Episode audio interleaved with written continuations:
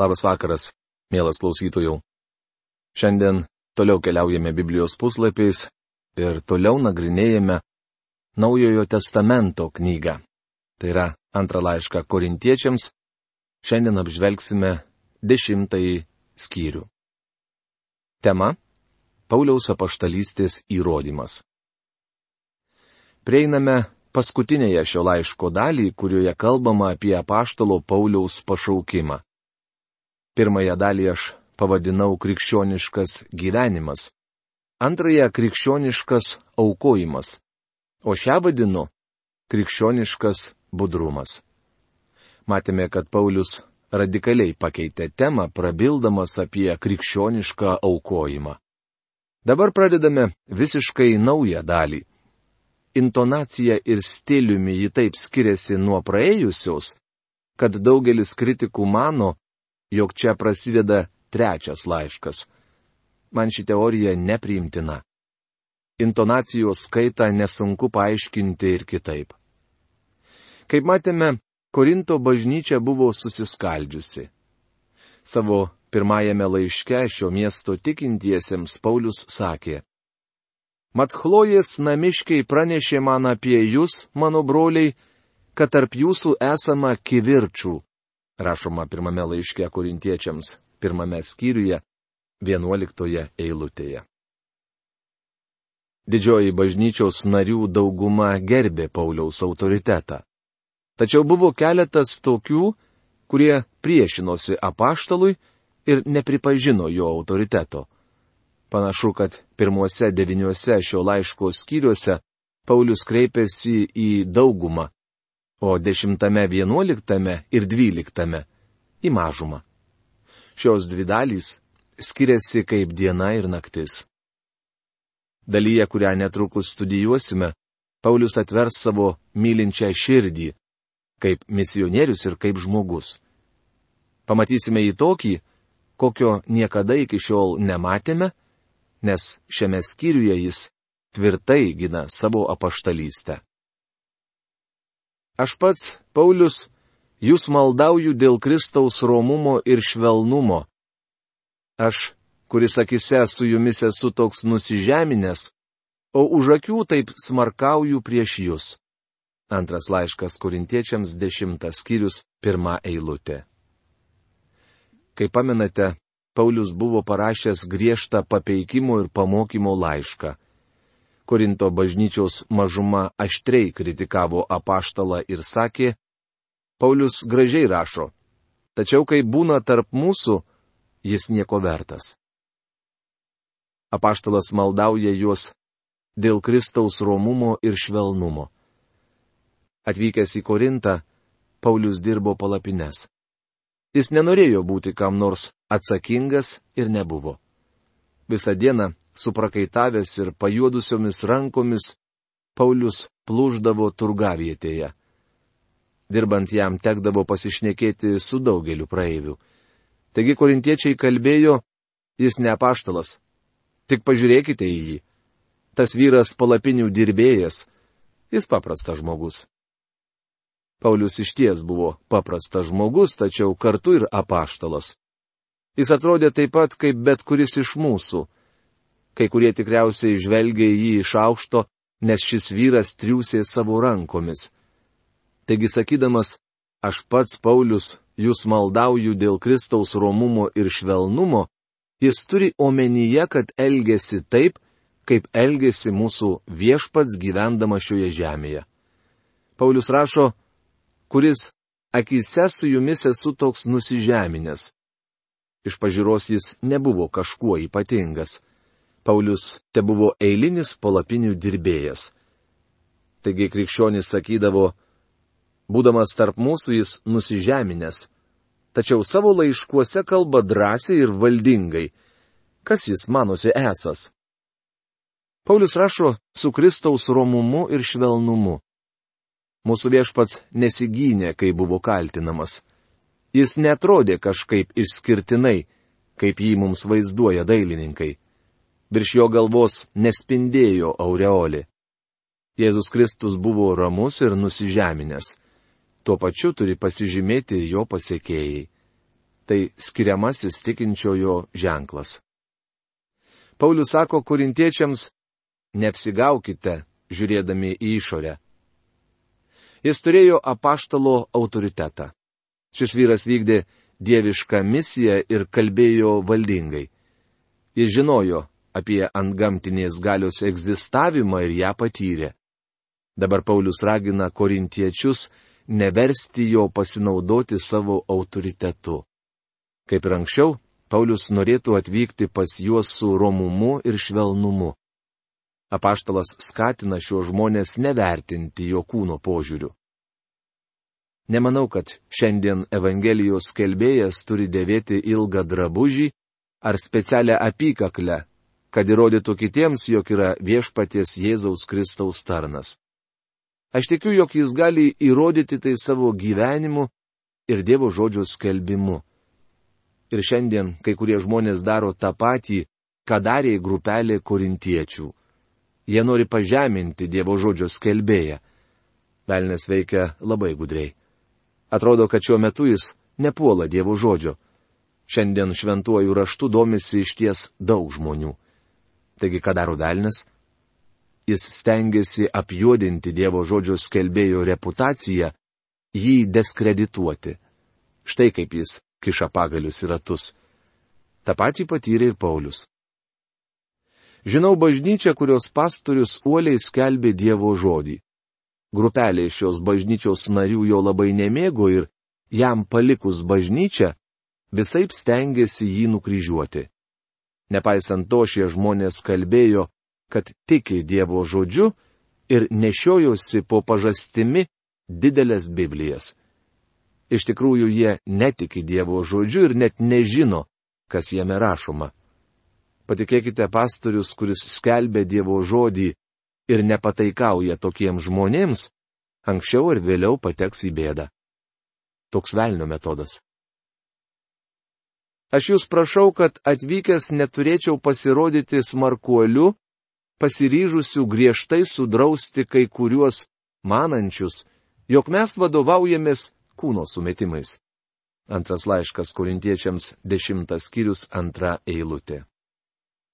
Paulius sako, kad jie neturėtų galvoti, jog jis gyvena kūniškai, nes purvinomis rankomis ir suprakaitavęs dirba palapines. Būtent taip jį vertino grupelė korintiečių. Vis dėlto gyvendami kūne mes kovojame nekūniškai. Antras laiškas kurintiečiams, dešimtas skyrius trečia eilutė. Graikiškas žodis sarch, kuris verčiamas kūnas, gali būti vartojamas trimis skirtingomis prasmėmis. Jis gali apibūdinti mūsų visų turimą fizinį kūną, tai yra kaulus dengiančius audinius. Dar gali reikšti psichologinį silpnumą, o taip pat mums visiems būdinga sugedusią ir nupuolusią prigimtį. Tai dvasiniai prasme. Taigi šis žodis gali būti vartojamas fizinė, psichologinė ir dvasinė prasme. Paulius vartoja žodį kūnas visomis trimis prasmėmis, bet dažniausiai norėdamas apibūdinti senąją nupuolusią Adomo prigimtį. Aš žinau, kad manyje, tai yra mano kūne, negyvena gėris, rašoma rumiečiams laiško 7 skyriaus 18 eilutėje. Čia jis turi omenyje sugedusią prigimtį. Žodį kūnas vartoja dvasinę prasme. Rašydamas, gyvendami kūne mes kovojame ne kūniškai, žodį kūnas apaštalas vartoja psichologinę prasme. Jis sako, jo gyvena kūne, tai yra silpnume. Nemanau, kad Paulius atvyko į Korintą su kūniška stiprybė. Kova buvo dvasinė. Laiške Efeziečiams jis rašė. Mes grūmėmės ne su krauju ir kūnu, bet su kunigaikštystėmis, valdžiomis, šių tamsybių pasaulio valdovais ir dvasinėmis blogio jėgomis dangaus aukštumose. Rašoma Efeziečiams laiško šeštos skyriaus dvyliktoje eilutėje. Paulius atvyko į Korintą ne kaip paprastas žmogus, besivadovaujantis jūslingumo principais. Jis netvyko žmogiškomis pastangomis surenkti reklaminės kampanijos. Tai nereiškia, kad tam nėra vietos krikščioniškame darbe. Aš tik sakau, kad Paulius nenaudojo šio laikinių reklamos ir organizavimo metodų. Jis nebuvo vienas iš tų tvirtų asmenybių, kurios rodo savo gudrumą, žerdamos gausybę citatų ir savo gražiomis kalbomis pakelia žmonės į padangęs. Apaštalas atvyko į Korintą ne tam, kad surenktų antineronišką arba anticezarišką kampaniją. Taip pat ir ne tam, kad išvalytų miestą. Krikščionys nekvietė šio vyro surenkti jų mieste kampaniją. Pirmo laiško korintiečiams antros kiriaus antroje eilutėje Paulius rašė. Mat buvau pasiryžęs tarp jūsų nežinoti nieko kito, tik Jėzų Kristų ir tą nukryžiuotą. Paulius matė visą kovos lauką. Jam prieš akiją buvo dangus, o užnugaryje - pragaras. Apaštalas kovojo dvasinę kovą, kuriai reikėjo dvasinių ginklų. Mūsų kovos ginklai nekūniški, bet turi Dievo galybę greuti tvirtovės. Jais nugalime gudravimus. Antras laiškas korintiečiams, dešimtas skyrius ketvirta eilutė. Šia eilutė yra tarsi intarpas. Joje Paulius net nevardyja ginklų. Dvasinė kova savaime suprantama vyksta su dvasiniu priešu, o dvasiniam priešui nugalėti reikia dvasinių ginklų. Mums sakoma, kad turime jų keletą. Jie galingi ir efektyvūs. Ar galėtumėte išvardinti, kokių dvasinių ginklų mums reikia šiandien? Pirmasis mūsų ginklas - Dievo žodis turime tvirtai juo pasikliauti. Dievo žodis yra dvasios kalavijas. Nešinas šiuo ginklu, Paulius galėjo atvykti į Korinto miestą, kuris tuo metu buvo filosofijos ir religijos citadelė. Matėme, kad jis naudojo šį ginklą. Laiškė Efeziečiams Paulius rašė, pasiimkite ir išganimo šalmą bei dvasios kalaviją, tai yra Dievo žodį. Efeziečiams laiško 6 skyriaus 17 eilutė. Paulius išsitraukdavo savo patikimą kalaviją, tvirtai pasikliaudamas jo aštriais ašmenimis. Jis sakė, aš nesigėdiju Evangelijos. Jie juk yra Dievo galybei išgelbėti kiekvienam tikinčiajam. Pirma žydui, paskui graikui, rašoma romiečiams laiško pirmos skyriaus 16 eilutėje. Mums taip pat reikia pasitikėti Dievo žodžiu. Privalome būti tikri, kad kiekvienas šventojo rašto žodis yra įkvėptas. Tai turi būti daugiau negu vien žodinis išpažinimas. Man teko klausytis pamokslininko, kuris tvirtino tikys pažodiniu Biblijos įkvėptumu. Jis citavo poeziją, gražias žymių žmonių mintis ir kelias įžūles epigramas. Tas vyras daug filosofavo, tačiau Dievo žodžio taip ir neatskleidė. Leiskite pasakyti, jog tai nėra pasitikėjimas Dievo žodžiu ar jo naudojimas kovoje. Aš esu konservatyvios teologijos šalininkas. Tikiu viso Dievo žodžio įkvėptumu, įskaitant ir pradžios knygą, o ypač pasakojimą apie sukūrimą. Tikiu, kad yra pragaras, Iš tikrųjų tikiu kiekvienu šventojo rašto žodžiu nuo jo pradžios iki galo. Tai dvasios kalavijas, bičiuli, vienas iš mūsų ginklų. Antrasis mūsų ginklas - šventosios dvasios artumas. Paulius pripažino savo žmogišką silpnumą. Jis žinojo, kad yra užanspauduota šventosios dvasios ir jos įgalintas. Dar vienas ginklas, kurį mes naudojame šioje dvasinėje kovoje - malda. Tiesa, abiejose laiškuose korintiečiams labai nedaug kalbama apie maldą. Tačiau Paulius be bejonės tikėjo maldos gale ir svarba. Laiškė feziečiams jis paminė ją kaip vieną iš puolamųjų ginklų. Bei dvasios kalavyje, tai yra Dievo žodį. Kiekvienu metu melskitės dvasioje visokiojopomis maldomis ir prašymais. Be paliovos būdėkite, malda užtardami visus šventuosius. Rašoma Efeziečiams laiško 6 skyriaus 17-18 eilutėse. Ir bet kokią puikybę, kuri sukyla prieš Dievo pažinimą, jais paimame nelaisvėn kiekvieną mintį, kad paklustų Kristui. Antras laiškas korintiečiams, dešimtas skyrius, penkta eilutė. Šioje dvasinėje kovoje karius lydi sėkmė.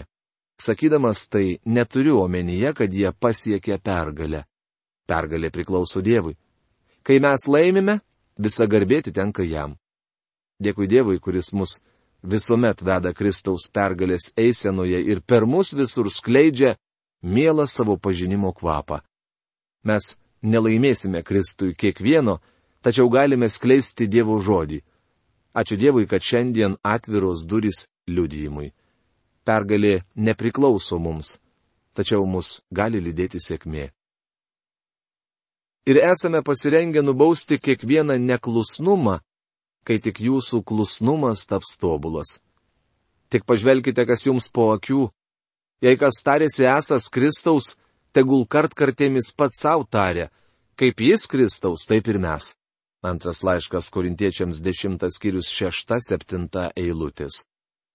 Kreipdamasis į savo priešininkus, Paulius sako, mes kaip ir kiti priklausome Kristui. Jei panorėčiau daugiau pasigirti tą galę, kurią viešpats mums suteikė jūsų ugdymui, o ne griovimui, tai nebūtų man gėdos. Antras laiškas kurintiečiams dešimtas skyrius, aštunta eilutė. Pauliui kaip apaštalui buvo duota gale ne jų griovimui, bet ugdymui. Tai yra tam, kad jis galėtų stiprinti korintiečių tikėjimą. Beje, nenorėčiau pasirodyti bauginas jūs laiškais, juk laiškai sakoma yra svarūs ir griežti, bet jo kūno išvaizda menka ir iškalba prasta.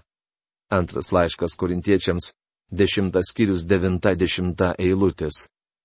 Paulius nenori, kad jo laiškai pasirodytų drąsūs ir bauginantys, o jis pats silpnas. Manau, tai rodo, kad šis vyras nebuvo išoriškai patrauklus. Klausydamiesi jo žmonės aiškiai suprato, kad pamokslaudamas jiems, jis nepasikliauja savo fizinę jėgą, iškalbą ar asmeniniu patrauklumu. Manau, Paulius buvo iš pažiūros silpnas indas.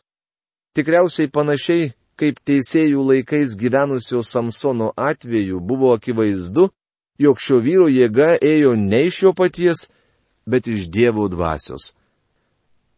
Kas taip sako, tegul įsidėmi, jog kokie esame iš tolo ir laiško žodžiais, Tokie esame ir vietoje darbais. Mes nedrįstame savęs gretinti ar lyginti su kai kuriais žmonėmis, kurie patys save aukština. Juk jie matuodami save pagal save pačius ir lygindami save su savimi yra be nuovokos. Antras laiškas korintiečiams, dešimtas skyrius, vienuolikta, dvylikta eilutės. Čia juntama humoro gaidelė. Daugelis lygina save su greta esančiais žmonėmis ir todėl galvoja, kad jau viską pasiekė. Jie manosi esą iš ties geri išskirtiniai, dvasiniai krikščionys, nes lygina save su kitais tos pačios mažytės grupelės krikščionimis. Bičiuli, ne pagal tai turėtume save tirti. Deja, daugelis elgesi būtent taip. Žmogus gali lankyti apmirusią bažnyčią ir imti merdėti pats to net nesuvokdamas, nes lygina save su kitais atšalusiais krikščionimis, kurie jį supa. Mums visiems reikia būti tarp tokių krikščionių, kurie galėtų mus padrasinti ir paraginti. Daugelis krikščionių susibūrė į mažas grupelės ar bažnyčias ir jaučiasi ten šiltai bei patogiai, nes visi sėdi toje pačioje valtyje. Nesame linkę girtis be krašto, o tik iki tų ribų, kurias mums Dievas užbrėžė ir kurios siekia lygi pat jūsų. Antras laiškas korintiečiams dešimtas skyrius, trylikta eilutė. Korinto tikintieji skundėsi, kad apaštalas jų neaplanko. Jie sakė, Paulius leidžia laiką su kitais, bet į Korintą netvyksta. Kiek daug krikščionių kritikuoja savo pastorių dėl to, kad šis jų neaplanko. Jie nori vis daugiau jo dėmesio. Mano draugė, pataikaudamas žmonėms ir juos lepindamas pastorius švaisto viešpaties laiką. Jam reikia būti su tais, kuriems būtina jo pagalba. Taip pat atsidėti Dievo žodžiui.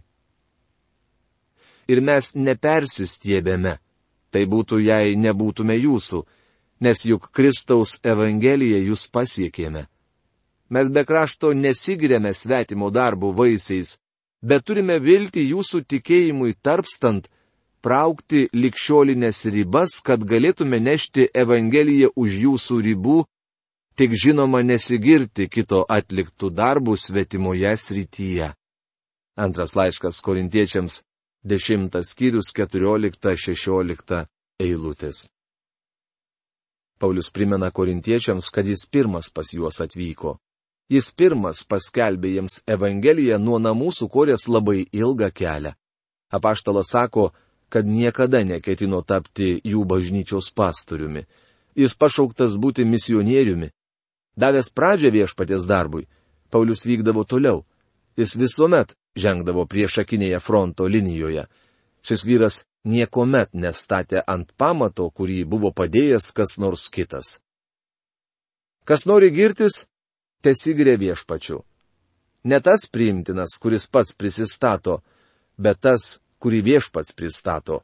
Antras laiškas korintiečiams 10 skyrius 17-18 eilutės. Mes turime būti priimtini viešpačiui. Tai mums įspėjimas. Nekritikuokite kito, jei nežinote, kam jį yra pašaukęs viešpats. Vieno dovana gali būti žmonių lankymas, kito kalbėjimas iš sakyklos. Jei turite žmogų, kurio dovana pamokslavimas, nekritikuokite jo, bet duokite jam laiko ruoštis pamokslams. Darydamas tai pastorius negali reguliariai lankyti savo avių. Kitas gali nebūti įtin talentingas pamokslininkas, bet puikus organizatorius. Tuomet tai ir yra jo dovana. Sužinokite, kokia žmogaus dovana ir padėkite ją naudoti. Neteiskite jo už tai, kad nedaro visko, ką jūsų nuomonė turėtų daryti. Paulius sako Korinto tikintiesiems, jog daro tai, kam jį yra pašaukęs Dievas. Šis vyras buvo pašauktas būti misionieriumi ir uoliai vykdė jam pavestą tarnystę. Tai tokia žinia šiandien. Kitoje mūsų laidoje pratesime šio laiško studijas. Iki malonaus susitikimo. Sudė.